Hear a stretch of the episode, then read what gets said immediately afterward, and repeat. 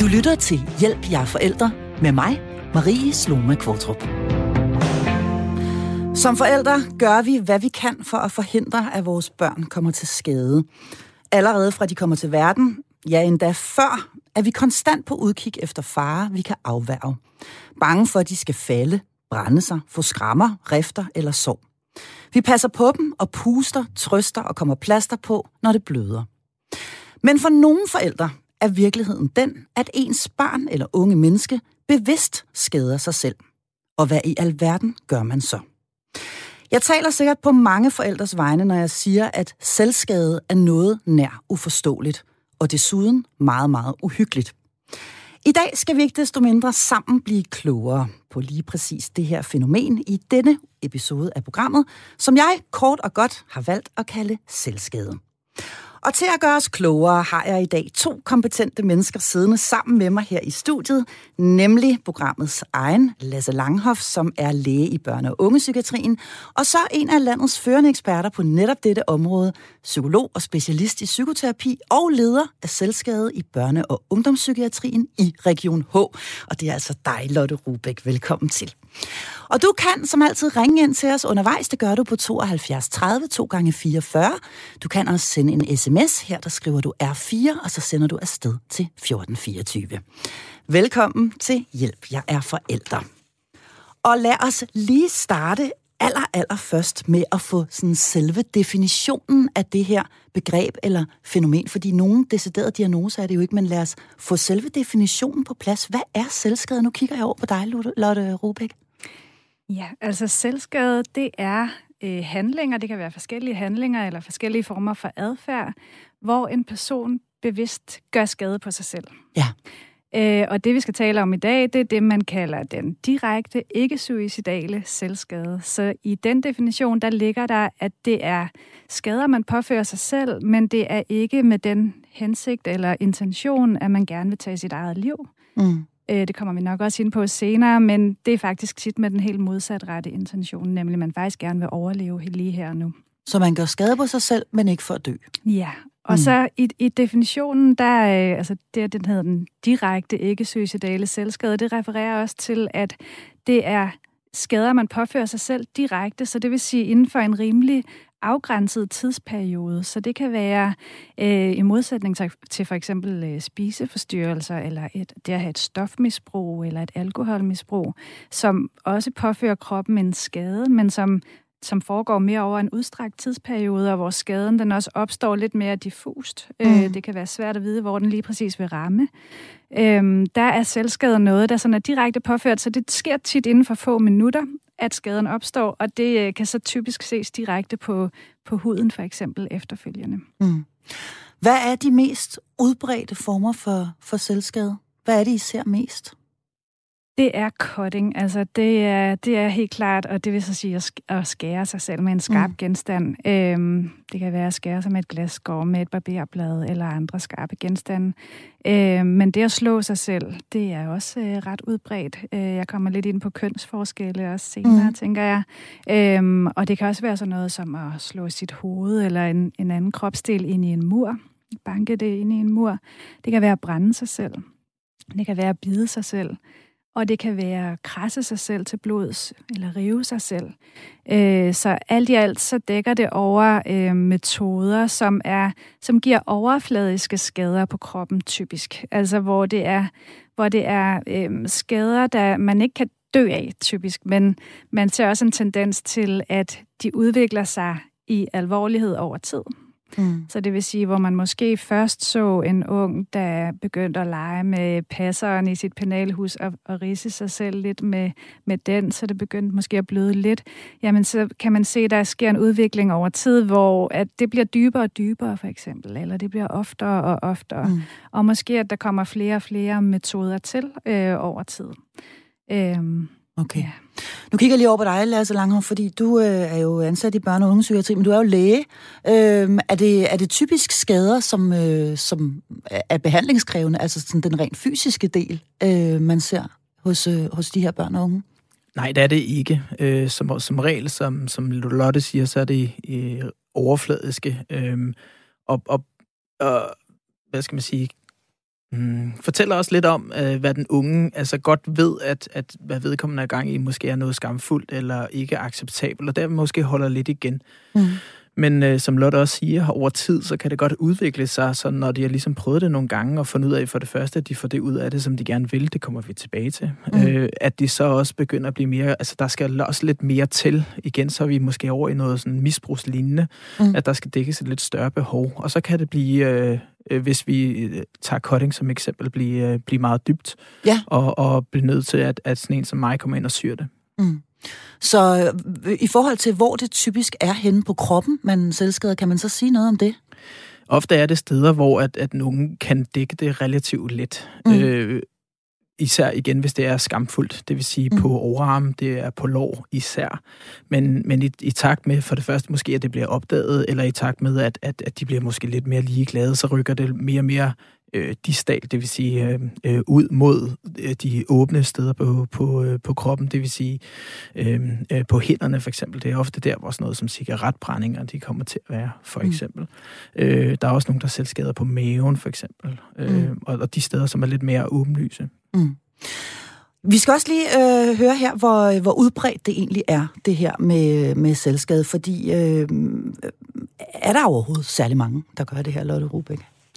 Ja, jeg tror faktisk, at det vil komme som en overraskelse for de fleste, hvor mange der egentlig har erfaring med, med selvskade, og ikke kun i børne- og ungdomspsykiatrien, hvor Lasse og jeg arbejder, men også ude i den helt almindelige generelle befolkning. Mm. Øhm, det man kan se på ja, både internationale, men hvis jeg nu skal snakke om danske undersøgelser, det er, at det er omkring en femtedel, men også faktisk helt op til en tredjedel i nogle undersøgelser, af de danske unge, som har erfaring med selvskade. Og Helt det er op altså, til en tredjedel af danske ja, unge? Som har prøvet at skade sig selv i deres livstid, altså det vil sige i hele deres liv, øh, har der været en episode af selvskade. Mm. Og der er faktisk også en del af der har gjort det flere gange af dem, øh, som angiver, at de har, at de har erfaring med selvskade.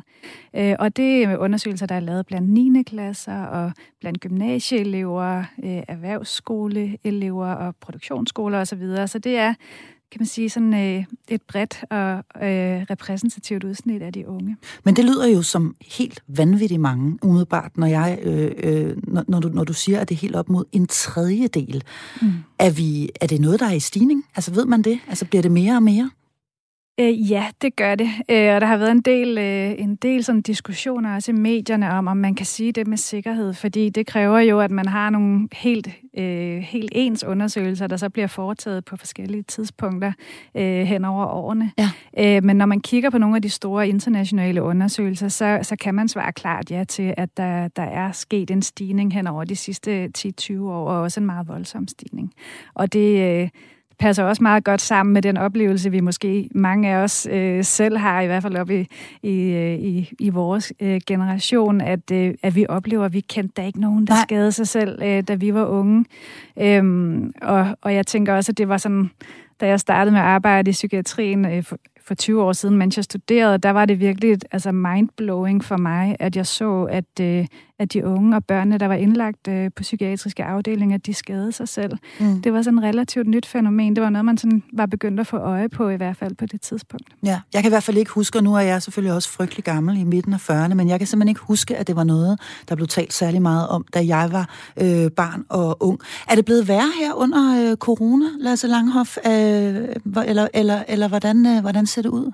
Har I kunne mærke en forskel? Altså, vi kan se, at, øh, at de øh, børn som vi og unge, som vi har fået henvist, øh, har en, en mere alvorlig grad af både depression og angst, og de, de lidelser, som, som der bliver henvist til os, og at vi kan se, at deres selvskademetoder er mere voldsomme mm. øh, i den her coronaperiode, helt sikkert. Så, så, så, så der er simpelthen flere, der kommer øh, som, øh, med, med, med selvskade, og, og det er i voldsommere grad? Ja. Okay. Vi skal, ja, vil du sige noget supplere med? Ja, jeg vil bare lige ja. supplere med at sige, at vi ved jo faktisk, at selvskade det er meget tæt forbundet til mistrivsel. Mm. Og, og selvom vi ikke har nogen danske undersøgelser, der kan dokumentere, at om selvskade har været stigende hen over coronaperioden, så har vi i hvert fald undersøgelser, der helt klart viser, at de unge de mistrives. De har været mm. øh, i stærk mistrivsel under, den, under de her forskellige nedlukninger af samfundet. Ja. Øh, så derfor kan man i hvert fald frygte, at øh, det også har påvirket, kan man sige, selvskade forekomsten. Mm. Samtidig så ved vi også, at sådan noget som for, altså, om forældres økonomi for eksempel, eller det kan være sådan noget som ensomhed, øh, at det også har betydning for, øh, om unge skader sig selv. Og nogle af de her ting har jo også været påvirket under øh, corona. Ja, det har jo sat øh, langt de fleste danske familier under pres i, et, i, en, eller anden, øh, i en eller anden grad. Præcis. Men når nu vi taler om det her med, hvem der, øh, hvem det rammer, eller hvad man skal sige. Hvad, hvad, øh, hvad ved vi så om det? Hvem er det, der, der skader sig selv? Og det kan man faktisk ikke svare sådan helt entydigt på, fordi at øh, vi i Team for Selvskade, vi ser jo, at selvskade det rammer ret bredt. Øh, det mm. rammer sådan på tværs af køn, det rammer på tværs af samfundslag. Øh, og øh, man kan sige, i forhold til, hvis vi snakker om køn, jamen så er der i de fleste undersøgelser en overvægt af piger, øh, der mm. skader sig selv. Øh, men det er faktisk ikke en særlig stor overvægt, så det vil være fejlagtigt at tænke, at det her det er noget, jeg kun skal holde øje med øh, hos piger, mm. øh, og være opmærksom på hos piger. Øhm, man kan også se, hvis man kigger sådan på familiestatus, øh, så kan man også se, at der er en overvægt, øh, der kommer fra hjem, der, der er brudte, altså hvor der har været skilsmisse. Øh, der er også en overvægt, der kommer øh, fra øh, økonomisk trængte familier. Øhm, men igen, det rammer sådan, øh, det rammer virkelig bredt. Man mm. kan se, man kan jo kigge på risikofaktorer. Øh, hvad er det for eksempel også, der kan kendetegne mm. dem, der i højere grad vil blive selvskadende. Øhm, og der kan man se, jamen, øh, det at have en psykisk lidelse, det er i hvert fald også noget, der, der i høj grad disponerer for at blive selvskadet. Mm. Øh, selvskadende, eller det at have været udsat for traumer. Øh, men også sådan noget som ens øh, for eksempel seksualitet. Øh, det at være ikke heteroseksuel, det er faktisk også noget, der disponerer for, for selvskade. Mm. Eller øh, det at, have en usikker kønsidentitet, det er også, der er også en høj forekomst øh, blandt dem, der har det. Mm. Øh, så på den måde kan man godt sige, at der er nogen risikofaktorer øh, mm. og noget, man kan holde øje med. Mm. Øhm, men man skal bare have den her bevidsthed om, jamen det rammer, det rammer også øh, den øh, perfektionistiske 3. G-elev. Øh, altså der er også øh, sådan indikatorer på, at, at det faktisk også rammer øh, de unge, som har meget, stiller meget høje krav til sig selv og virkelig har svært ved at øh, accepterer ikke at præstere i top hele tiden. Øh, mm. Det vækker store skamfølelser hos dem, hvis de får et, et tital i stedet for et 12-tal, mm. og de er nødt til at straffe sig selv, øh, for eksempel med selvskade for, for ikke at have præsteret øh, eller levet op til egne forventninger. Okay, så mm. der er mange forskellige øh, risikofaktorer på spil. Ja. Der er allerede begyndt at komme sms'er ind her, og her der skriver øh, Kai fra København, han skriver, tak for et godt program. Disse selvskader, I omtaler i dag, er det ikke bare i gåseøjne råb om hjælp? Øhm, og det er jo i virkeligheden et meget øh, relevant spørgsmål, Kai han stiller her. Mm. Øh, er det ikke øh, et råb om hjælp? Jo, det kan man jo godt sådan sige det sådan lidt populært sagt, mm. at det er øh, for nogen. Øhm, jeg ved, at vi også kommer til at snakke om det senere, men, men for langt de fleste, så har selvskaden egentlig ikke et udadrettet formål. Mm. Så er selvskaden noget, som den unge gør for sig selv, altså for okay. at få det bedre, og i virkeligheden gør så ret store anstrengelser for at holde skjul for omverdenen. Så på mm. den måde har de ikke det her hjælpsøgende element øh, i sig, men der er nogen, der angiver, at selvskaden den er et råb om hjælp. Altså mm. det er et forsøg på at øh, vise over for omverdenen, at man virkelig har behov for hjælp.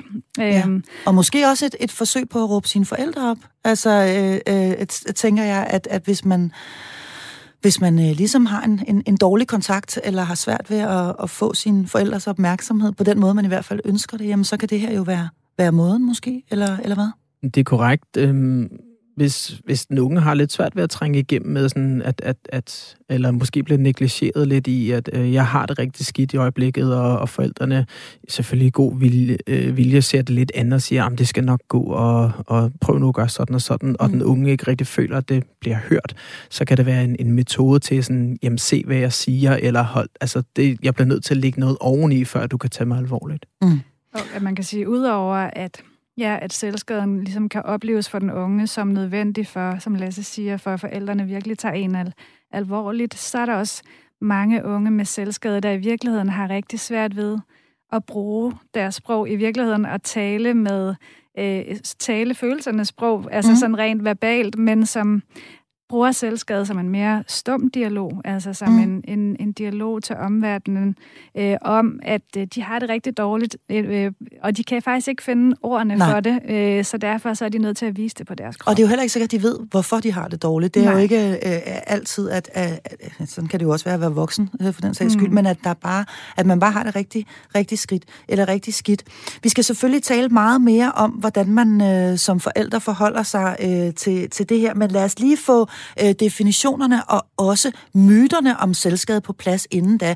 Fordi Lotte Rubæk, jeg har lyst til at spørge dig, hvad er sådan de mest almindelige myter om selvskade?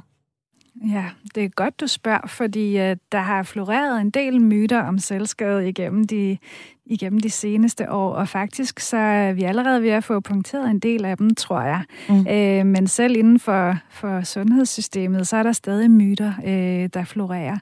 Øh, en myte kan være, som vi var kort inde på lige før, jamen det er kun piger, øh, mm. der skader sig selv. Det er et pigeproblem, det her. Mm. Øh, en anden myte kan være, jamen selvskade, det, er det ikke bare et mislykket selvmordsforsøg? Mm. Øh, er det i virkeligheden ikke bare en, der forsøger at tage sit eget liv?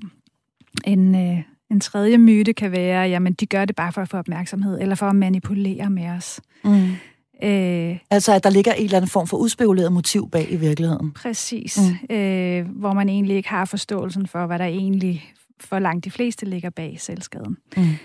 Og så er der også mange, der går rundt med sådan en, kan man sige, en myte eller en, en tanke om, jamen, selvskade, man skal ikke snakke med en, der skader sig selv, for man kan komme til at gøre noget forkert. Det, det kræver højt specialiseret, øh, en højt specialiseret fagperson for at kunne tale med en selvskadende ung. Det er også en myte. Mm, okay.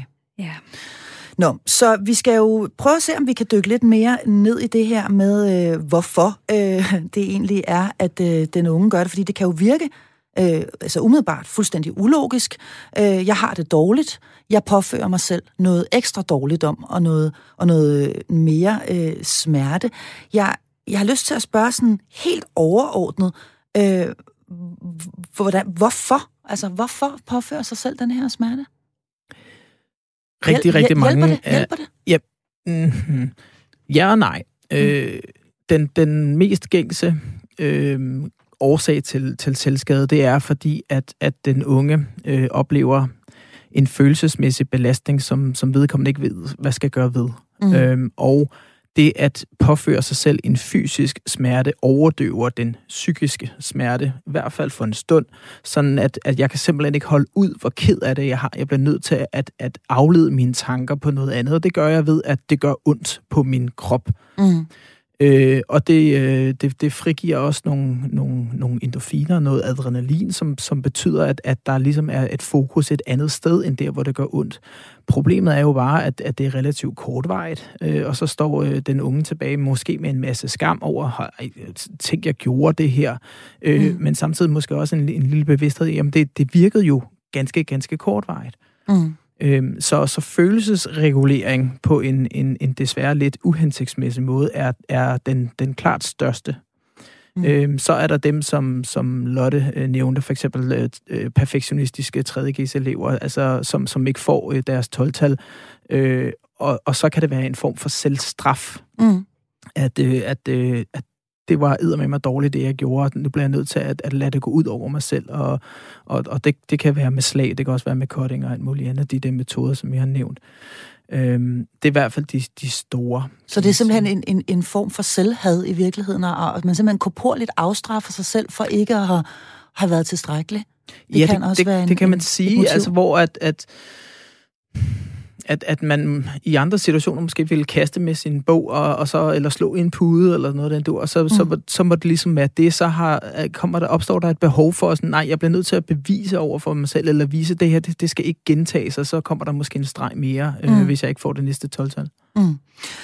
Jamen altså, de, det er så de mest sådan udbredte, kan man sige, sådan overordnede motiver, det her med enten at, at, at flytte øh, fokus hen på noget, som er konkret, og det kan, man, det kan jeg godt øh, øh, forestille mig, at det er da trods alt i hvert fald nemmere at forholde sig til en rift, eller, eller et snitsår, eller et brændemærke, end det kan være at forholde sig til, til, øh, til, til noget, man ikke rigtig kan få, få hånd om, som, som, som rumsterer inde i en selv, eller det her afstraffelseselement. Øh, Men det, jeg er lidt nysgerrig på at vide, det er, nu, nu, nu sagde du, Lasse Langhoff, at det jo kun er kortvarigt, at det sådan lige flytter fokus.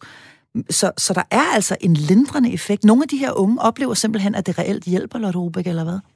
Ja, det, øh, det kan man sige. Det gør alle de unge. Øh, mm. Der er ikke nogen, der skader sig selv, bare fordi de lige synes, det var sjovt at prøve, eller det kan da godt være, men der er i hvert fald ikke nogen, der gør det igen og igen med, mm. med tilbagevendende med selvskade. Så, så alle de unge, også dem vi taler med, jamen de kan, de kan mange kan i hvert fald fortælle, hvad gør selvskaden for mig lige her og nu? Mm.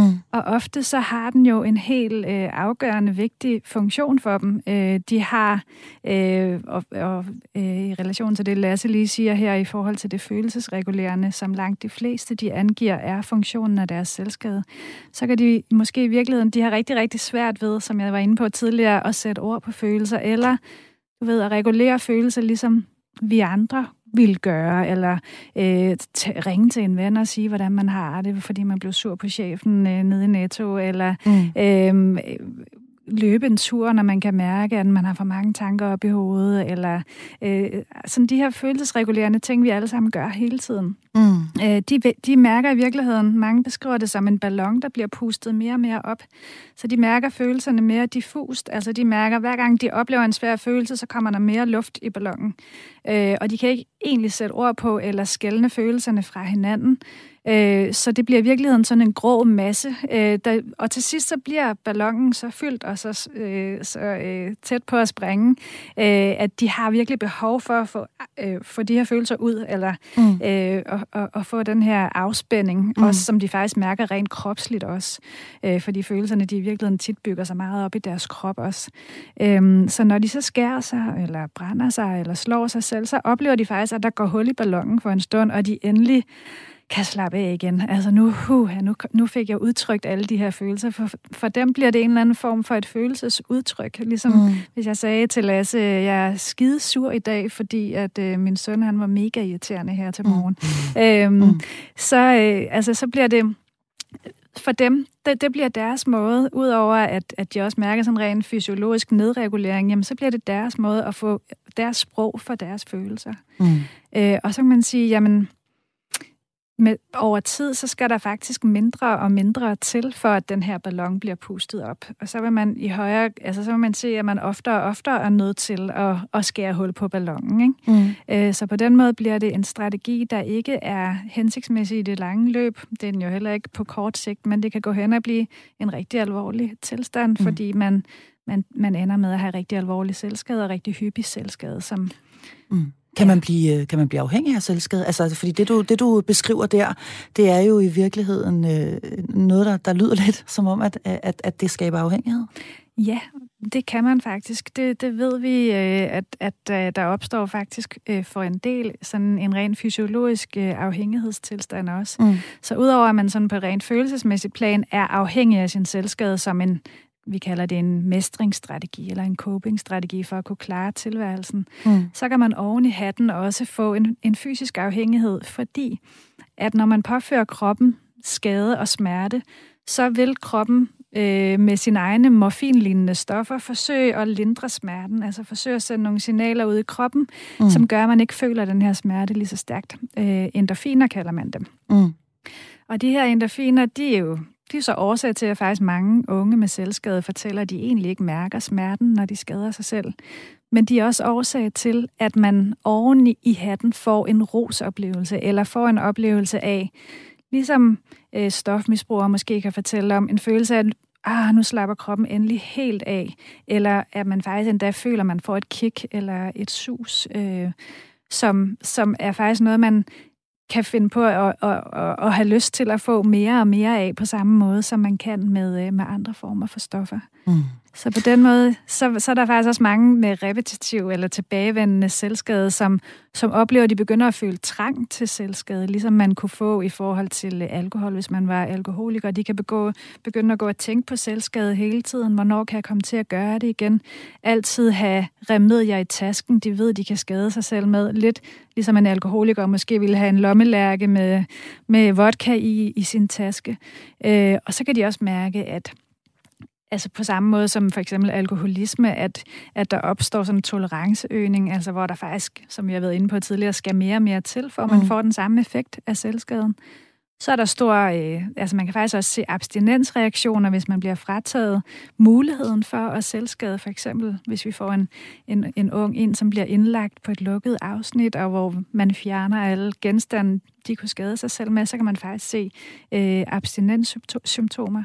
Okay. Og sådan, som det sidste, der også sådan ligesom kan relatere til, til en, en klassisk afhængighedstilstand, jamen så er der faktisk også stor tilbagefaldsrisiko, på samme måde som der også er ved, øh, ved, ved for eksempel alkohol eller stofmisbrug. Man ser tit, at selvskade det ikke bare stopper, og så, øh, så skader man aldrig sig selv igen. Der, mm. der sker tilbagefald, og det er noget af det, vi også i behandlingen skal forvente, der sker, og forberede den unge på, at det kan ske. Og det mm. behøver ikke at være verdens undergang.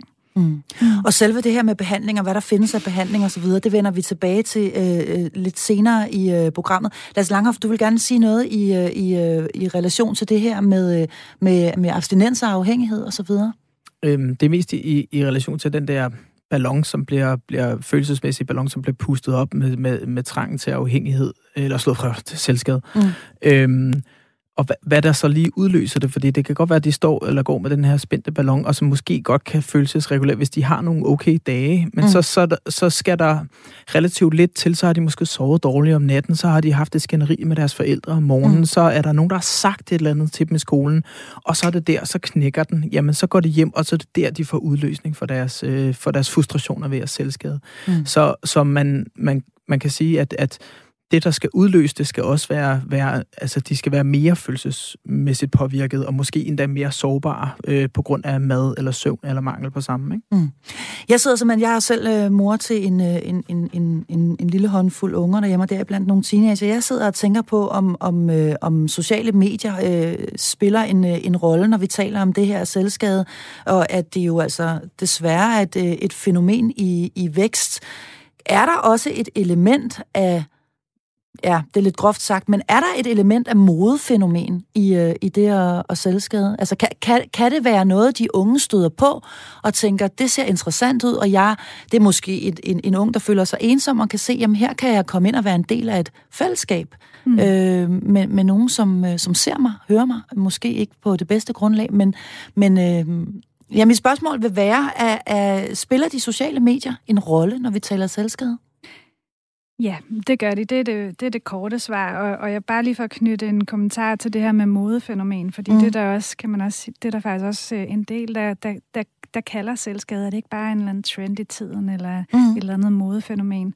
Øhm, og det, det plejer jeg altid sådan at tage afstand fra, at man bruger det ord om selvskade, mm. fordi bag hver eneste ung, der selvskader, der er der en ung, der ikke trives. Mm. Øh, og begynde at sammenligne det med noget, der er moderne, eller noget, man gør for at være en del af en trend, det tror jeg ikke yder, kan man sige, den lidelse helt retfærdighed, som, som de går med. Øhm, men i forhold til, om sociale medier spiller en rolle, så nu er vi jo inde på, selvskade det, det er øh, desværre et stigende problem mm. blandt unge, og, og mange forskere har også faktisk tænkt i, jamen det, det ser faktisk ud til at følge, hvornår de sociale mediers øh, indtog i verden var, der, der ser man også den her stigende tendens i forhold til selvskade. Øh, og, og mange de spekulerer i hvert fald i, om, om sociale medier kan have været med til at sprede øh, altså ligesom at inspirere unge til, det kan være unge, der har haft, øh, har haft ondt i, i sjælen, øh, at det så lige præcis blev selvskadet, fordi de så har set det på sociale medier. Mm. Det kan man selvfølgelig ikke sige entydigt, om det også er det, der kan, kan, kan redegøre for den her stigning. Mm. Men, men der har jo været en del fokus også i medierne på, jamen, hvordan, som, som du siger, unge, de, de kan finde, altså unge tit med alvorlig selvskade, som finder sammen i de her lukkede grupper på sociale medier. Mm. Øhm, og man kan sige, at deres forløb det udvikler sig meget uhensigtsmæssigt. Øhm, øh, de får helt, det vil jeg også mærke, at han kommer ind på lige om lidt, men de får helt sikkert øh, en, en form for hjælp ved mm. at kunne spejle sig i andre, der har det på samme måde som dem selv, men hvor der også kan ske sådan mere ubevidst øh, eskalering af adfærden og en ubevidst øh, form for inspiration, man, øh, man får fra hinanden i forhold til selvskademetoder. Mm. Så er der mange, jeg ved, der er mange forældre, der sidder og tænker på, jamen, kan mit barn begynde at skade sig selv, fordi de ser et billede på sociale mm. medier ved et tilfælde mm. øh, af selvskade. Øhm, og der er der faktisk nogle studier, der tyder på, jamen, at, at de unge, der har set selvskade på sociale medier, om det så er noget, de selv har opsøgt, eller noget, de har set ved et tilfælde, så er der en større risiko for, at de selv får selvskadende adfærd inden for en kort periode derefter. Mm. Det man ikke kan, det er, at man kan ikke tolke igen entydigt på det, fordi at der man, man kan også spekulere over, jamen hvis de unge opsøger selvskade på sociale medier, så er det måske, fordi tanken allerede har været der. Mm. Øhm, så på den måde, så er det, det er svært at sige, at sociale medier øh, kan få skylden for, for det hele, mm. men de kan i hvert fald gå ind og virke vedligeholdende på forskellige måder øh, i forhold til selvskaden. Okay. Mm. Du lytter til Hjælp, jeg er forældre. Jeg kan næsten ikke forestille mig noget værre end at opdage, at mit barn har skadet sig selv. Og det er vel næsten umuligt ikke at komme til at bebrejde sig selv som forældre. Nu hvor vi har været omkring, hvad selvskade overhovedet er for en størrelse, ja, så skal vi tale om, hvordan man opdager det, og ikke mindst, hvordan man håndterer en situation, hvor ens barn altså bevidst skader sig selv. Jeg har læge i børne- og ungepsykiatrien Lasse Langhoff, og så har jeg psykolog og specialist i psykoterapi og leder af selskabet i børne- og ungdomspsykiatrien i Region H, Lotte Rubæk, med mig her i studiet. Du kan altså stadigvæk ringe ind til os, hvis du har lyst til det. Det gør du på 72 30 2 gange 44. Du kan også sende en sms. Her der skriver du R4, og så sender du afsted til 1424. Og nu skal vi altså til det her med at tale om øh, os forældre. Og lad os lige starte der, hvor øh, altså ved selve det at opdage, at ens barns selvskader. Jeg har lyst til at spørge sådan her helt overordnet, hvad, hvad er det, man skal holde øje med? Nu kigger jeg over på dig, Lasse Langhoff. Som øh, Lotte hun har været inde på, så er det et barn i mistrivsel, en ung i mistrivsel, som vi har med at gøre. Det vil sige, at, at de tegn, som, som, øh, som begynder at opstå, de kan enten være øh, meget synlige, eller de kan være det mere skjulte. De synlige er jo øh, de ret åbenlyse, det der med, med, med sorg og, og rifter, øh, som ofte ser meget påførte ud. Øh, øh, og, og de mere øh, usynlige, kan man sige, er, er dem, hvor at den unge begynder at trække sig mm. øh, begynder at blive socialt distanceret, både for familie og for venner, begynder ikke at kunne det, som, som vedkommende kunne før. Det vil sige, altså har nogle belastningsreaktioner, eller i hvert fald mistrivselsreaktioner. Mm. Der skal man være mere opmærksom på sit, sit barn, sin unge. Det skal man altid selvfølgelig prøve at trøste og hjælpe, ikke? men en, igen, fordi vi snakker om den her måde, så en af måderne, de prøver at regulere deres, øh, deres mistrivsel på, er at kunne være ved selskab. Mm. Og øh, Lotte Rubæk, øh, hvad kan man øh, som forældre opleve af følelser, når man, øh, når man opdager, at ens barn skader sig selv? Man, øh, man kan opleve et virvar af følelser i virkeligheden. Ikke? Mm. Nu er Lasse jo inde på tegnene, øh, og hvor han også så fint redegør for, at der er både de her helt specifikke tegn, man opdager mm. de her helt lige øh, snitsår på, på underarmen for eksempel, eller de non-specifikke tegn, som, ja, som kan være sådan noget som for eksempel også at gå tildækket altid med, med lange ærmer og lange bukseben, også selv når det er 30 grader udenfor.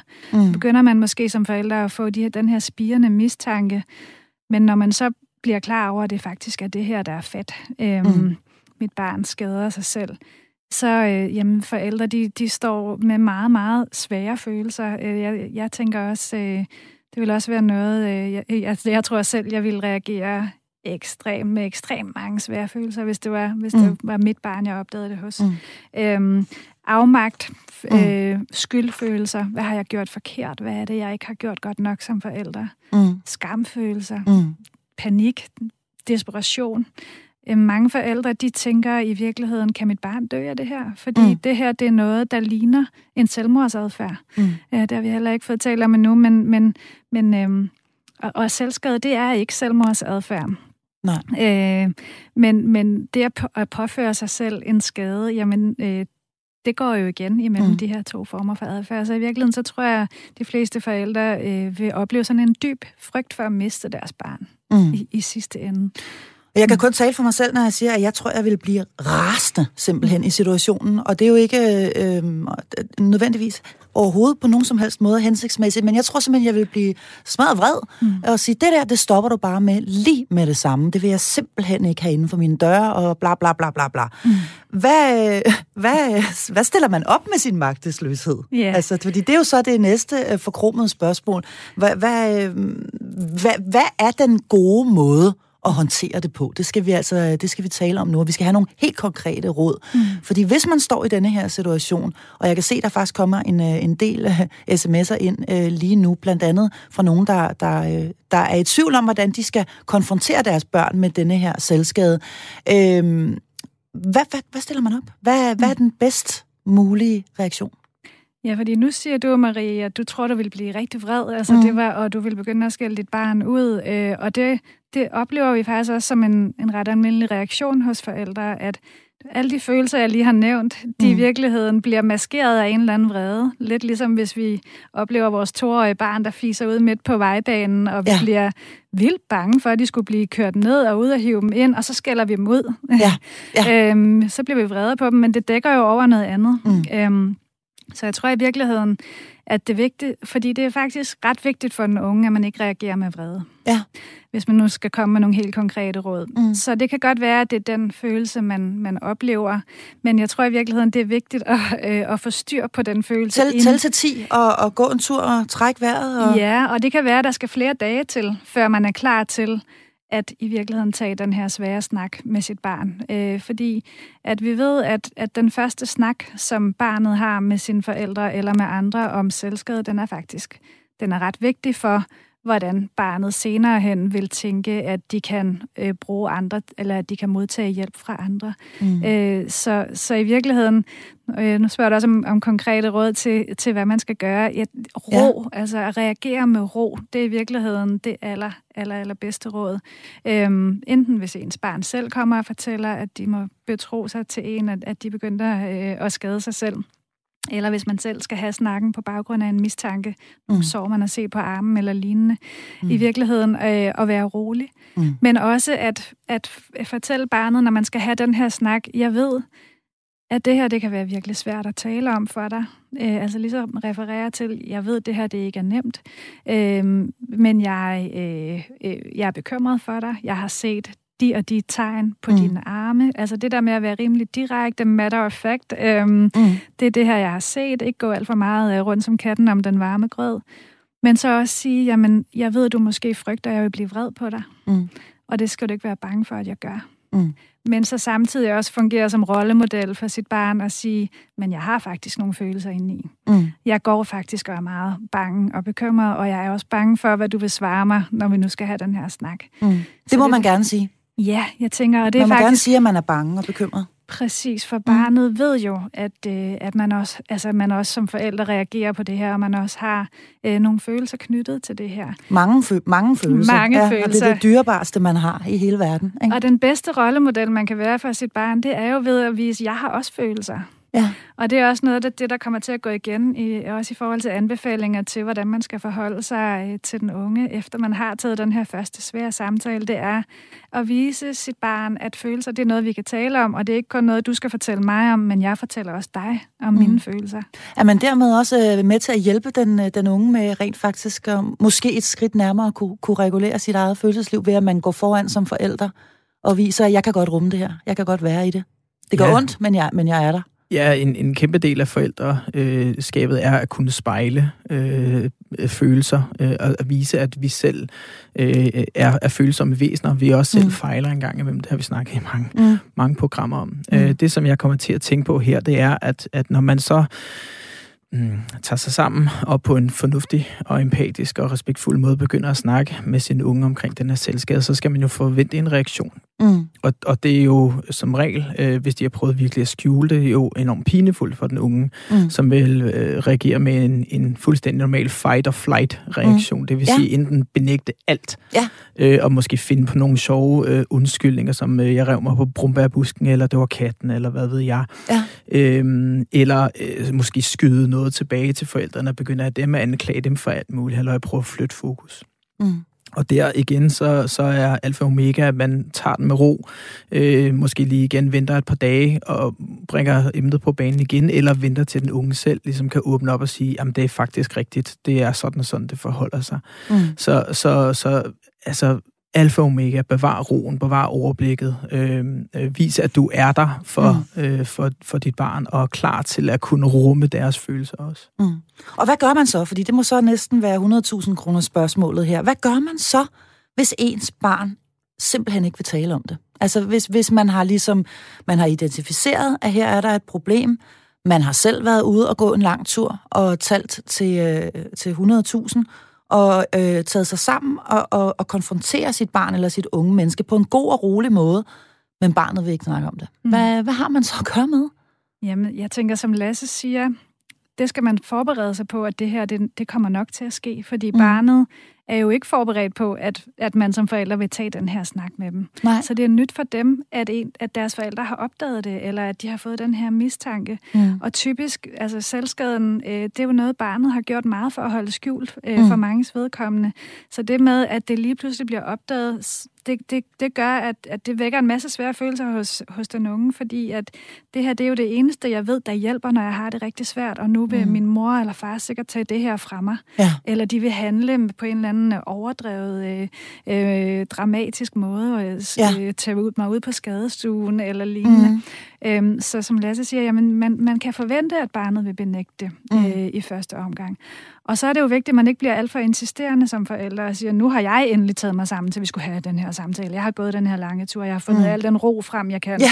Og så blive rigtig insisterende Nu er jeg klar. På, ja, nu er jeg det, klar. Det, det er ja. det nu skal du indrømme det, for jeg ved, at det er rigtigt. Så kan man måske i virkeligheden ende med at få en opkørt situation, fordi barnet ikke er klar til at snakke om det i første omgang. Mm. Så det vigtigste i virkeligheden er tålmodighed. Mm. Vis barnet, at, øh, at øh, nu har jeg fortalt dig om den her bekymring. Øh, jeg er stadig bekymret for dig. Det er helt okay, du ikke vil snakke med mig om det lige nu. Men døren er åben. Mm. Øh, vis dem, at døren er åben, og bliv ved med at vende tilbage mm. øh, og, og, og interessere dig for barnet, og øh, håbe på, at barnet bliver klar til at snakke om det på et tidspunkt. Okay, der kommer faktisk en hel del sms'er ind, og der kan se også, at der er en del af dem, som er meget konkrete. Jeg har lyst til at læse en højt her, der lyder sådan her. Kære panel, jeg har brug for et godt råd. Jeg er bekymret for min dreng på 13. Jeg har opdaget, at han har en fake-profil på Facebook, hvor han bevidst nedgør sig selv. Det er som om, han søger konflikterne og de grimme ord og konfrontationer fra andre, og jeg forstår det simpelthen ikke. Han ved ikke, at jeg ved, for jeg er i tvivl om, hvordan jeg skal konfrontere ham. Jeg har forsøgt at læse om digital selvskade, men det er virkelig svært for mig at forstå, hvad skal jeg gøre. Kærlig hilsen Signe. Og det her har vi jo faktisk slet ikke rigtig været omkring, og vi får næppe heller ret meget tid til det, men der er altså så, kan jeg forstå, åbenbart også et fænomen, der hedder digital selvskade her, Lotte Rubæk. Og en rigtig, rigtig bekymret mor, øh, som ikke ved, hvad hun skal stille op med det. Hvad vil du svare, Signe her? Ja, det kan jeg godt forstå, at, øh, at det må være virkelig chokerende at finde ud af. Og det er jo øh, lige, så, lige så paradoxalt, som det virker, øh, kan man sige, på mange forældre, at deres barn skader sig selv fysisk, mm. når de har det psykisk dårligt. Lige så paradoxalt kan det jo virke at, at oprette en falsk profil for at mobbe sig selv øh, ja. på sociale medier. Selvom der ikke er nogen fysisk skade, der indgår i det, så er det jo en form for at gøre skade på sig selv alligevel. Mm. Øhm, og det her, som, som, øh, som lytteren refererer til, det, det kalder man for autotrolling. Okay. Øh, med et godt engelsk ord. Øh, og det vil sige, og det, det, ser man, øh, det ser vi også en tendens til, at unge, vi kan se det blandt andet fra amerikanske undersøgelser, en ret en ret betydelig andel af unge har prøvet at oprette falske profiler på sociale medier, altså det, man kan kalde en spøgelsesprofil, som ikke dækker over en, en, øh, en ægte person, mm. for at påføre sig selv øh, en form for følelsesmæssig... Øh, lidelse? Ja, lidelse, eller, mm. eller hets, eller en, en mobning. Mm. Øh, man kan faktisk se mange paralleller til den fysiske selvskade, fordi mm. det her med at, at skade sig selv digitalt, øh, det kan også være en måde, som den fysiske selvskade også kan, en måde at få, få vist, hvor dårligt man har det. Øh, både for sig selv, altså det her med, at der opstår en tråd en, eller et kommentarfelt, hvor man bliver nedgjort både af sig selv, mm. øh, men også af andre, der begynder at byde ind i, i den her øh, hets mod en. Mm. Øh, kan være en måde at vise øh, i virkeligheden et selvhad, man har, eller, ja. eller at, at, at få det meget konkret, også i forhold til omverdenen, at man har behov for hjælp, for man bliver mobbet. Så de råd, I virkeligheden kom med øh, lige før, som mere generelle råd til forældre, det er i virkeligheden præcis de samme, der gør sig gældende, når nu vi skal øh, give sine et eller andet øh, håndgribeligt øh, med herfra. Mm. Bevar roen, ja. øh, øh, og øh, finde ud af at tale øh, på en stille og rolig måde. Regne med som udgangspunkt, at den 13-årige dreng måske benægter, mm. øh, selvom hun jo skriver her, han ved ikke, at jeg ved, øh, og hun udmærket godt er klar over, hvad der foregår. så kan jeg næsten regne ud, at det handler om for Sines vedkommende ikke at mase for hårdt på for hurtigt. Ja, og så forholde sig til det som, at det her, det handler om, at du har det dårligt indeni. Altså det der med ikke at blive for fokuseret på, ligesom man ikke skal med fysisk selvskade, for, for fokuseret på de fysiske skader, men hele tiden vende blikket indad og sige, jamen det her, det må handle om, at du har det rigtig dårligt indeni, mm. ellers så vil du ikke gøre det her. Og så prøve at få, få rettet fokus derhen. Okay. Der er også kommet en anden sms, som jeg lige øh, læser højt for jer her. Den, øh, den, den handler i virkeligheden om, øh, om det her. Det kan være arveligt. Der er nemlig en, der skriver her. Jeg har øh, skadet mig selv som teenager og blev også behandlet for depression af mit barn i højere risiko end andre. Øh, nu kigger jeg over på dig, Lasse Langhoff. Kan man, kan man, øh, kan man arve en øh, disponering for, for selvskade? Ved vi noget om det? Man kan arve disponering for psykisk sygdom. Ja. Øh, ganske kort, og dermed mm. også, når, som en af de uh, risikofaktorer, som Lotte øh, læste op, var jo netop psykisk sygdom. Så, så nej, ikke direkte, men indirekte ja. Okay. Du lytter til Hjælp, jeg er forældre. Ja, og vi behandler altså i øh, denne uges episode af programmet her et noget dystert, men ikke desto mindre vigtigt emne, nemlig selvskade. Og nu hvor vi både har fået defineret selve begrebet, og vi også er blevet klogere på, hvordan man som forældre håndterer det, ja, så skal det altså her til sidst handle om, hvilke behandlingsmuligheder der findes. Jeg har læge i børne- og ungepsykiatrien Lasse Langhoff, og psykolog og specialist i psykoterapi og leder af selvskade i børne- og ungdomspsykiatrien i Region H, Lotte Rubæk, med mig i studiet. Og du kan altså stadigvæk nå at smide en sms. Du skriver R4 og sender afsted til 1424. Lasse Langhoff og Lotte Rubæk, I arbejder jo begge med lige præcis det her område i jeres daglige virke. Øhm, fortæl mig lige, hvad findes der egentlig af behandlingsmuligheder? Det er jo et virkelig godt spørgsmål, fordi at selvskade, det er som du lige nævnte indledningsvis, Marie, det mm. er ikke en, øh, en psykiatrisk diagnose øh, ifølge det diagnosesystem, vi bruger her i Danmark. Derfor så er der ikke nogen etableret behandlingstilbud øh, i psykiatrien, øh, som ligesom kan komme alle selvskadende øh, unge til gode.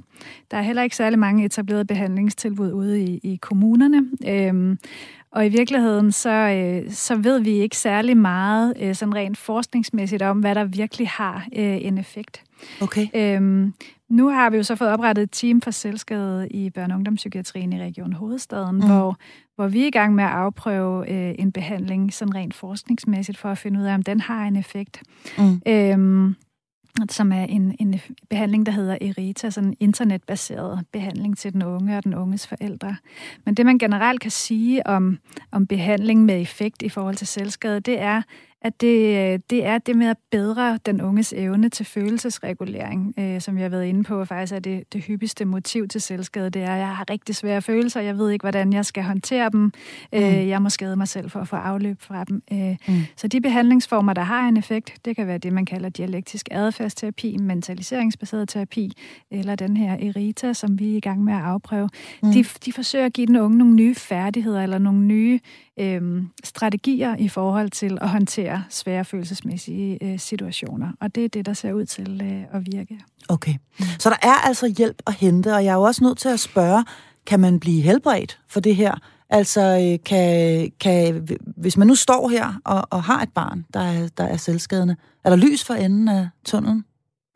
Ja, ja det, vil, det, det må jeg og skal øh, tro på, og det gør jeg faktisk også, øh, fordi at Jamen, det bedste vi kan gøre som forældre er at prøve at forberede vores børn på, hvad, hvordan verden ser ud, når, når de ligesom øh, øh, flytter hjemmefra. Og, og, og i, en af de ting, vi skal prøve at hjælpe med, det er netop det her følelsesregulering. Hvad, hvad, hvad gør man mm. øh, i, med de der svære følelser, når, når, når livet det, det byder, byder trods?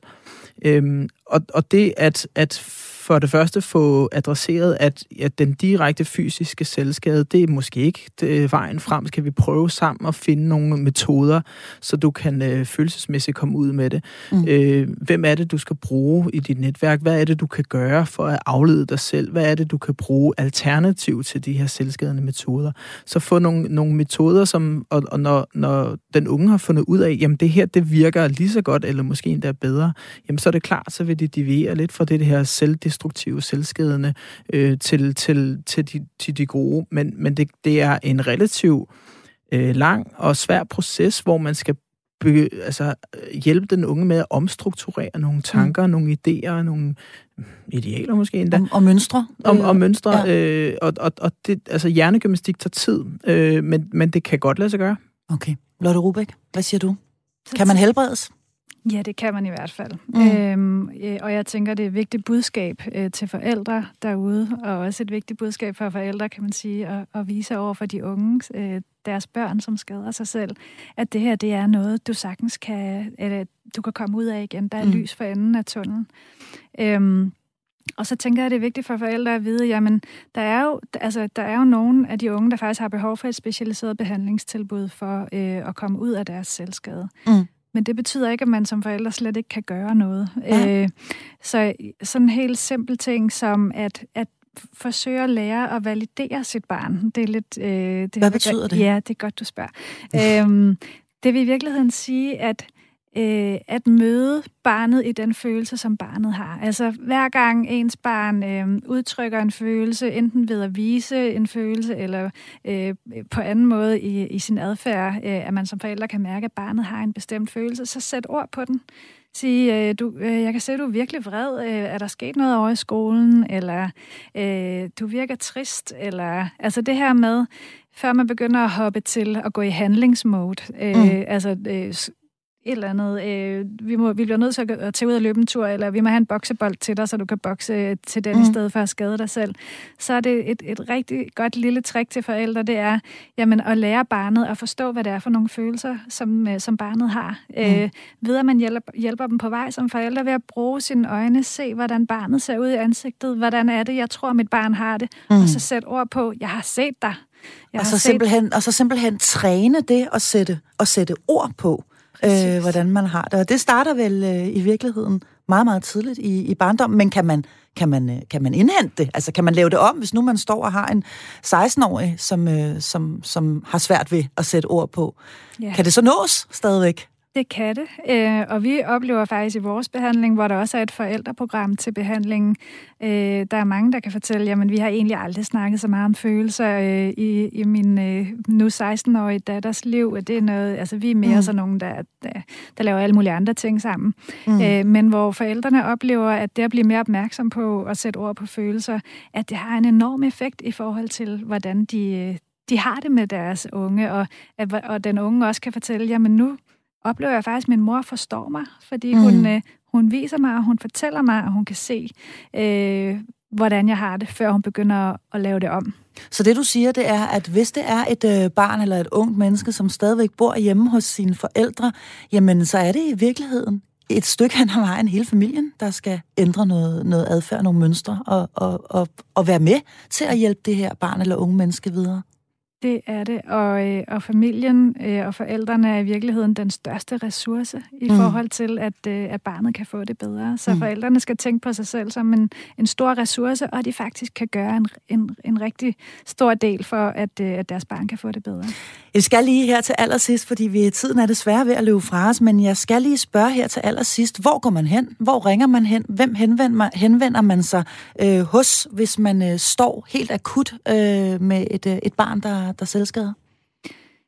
Ja, det er jo vigtigt at sige, at altså for forældre, de står med alle de her svære følelser, og, og der er faktisk virkelig mange forældre, der oplever udbrændthed og stress i forbindelse med at, at finde ud af det her. Mm. Så forældre har kan faktisk få behov for sådan at, selv at gå i en form for, for behandling i sideløbende med, at de skal være der for deres barn. Mm. Derudover så, så kan man henvende sig til forskellige rådgivningslinjer. Der er for eksempel Landsforeningen mod spiseforstyrrelser og selvskade, som man kan ringe ind og få rådgivning fra.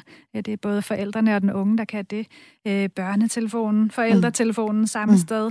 Øh, livslinjen, Girl mm. Talk. Mm. Øh. Og der er faktisk også, at jeg er blevet gjort opmærksom på via vores Facebook-gruppe, øh, lavet en app udviklet af Region Sjælland, som hedder Safe, og som altså kan downloades ganske gratis der, hvor man, øh, hvor man i øvrigt henter sine apps. Desværre er vi altså ved at være ved vejs ende i øh, dagens program her. Vi kunne godt tale meget, meget længere om det her fænomen, som jeg håber, at både du og jeg er blevet klogere på undervejs, nemlig selvskade. Jeg vil gerne sige tak til medlem af mit faste panel, læge i børne- og ungepsykiatrien, Lasse Langhoff, og så til dagens særligt indbudte gæst, psykolog og specialist i psykoterapi og leder af selskabet i børne- og ungdomspsykiatrien i Region H, Lotte Rubæk. Og så vil jeg også gerne takke programmets Facebook-gruppe, og samtidig invitere dig indenfor. Alle er velkomne til at være med.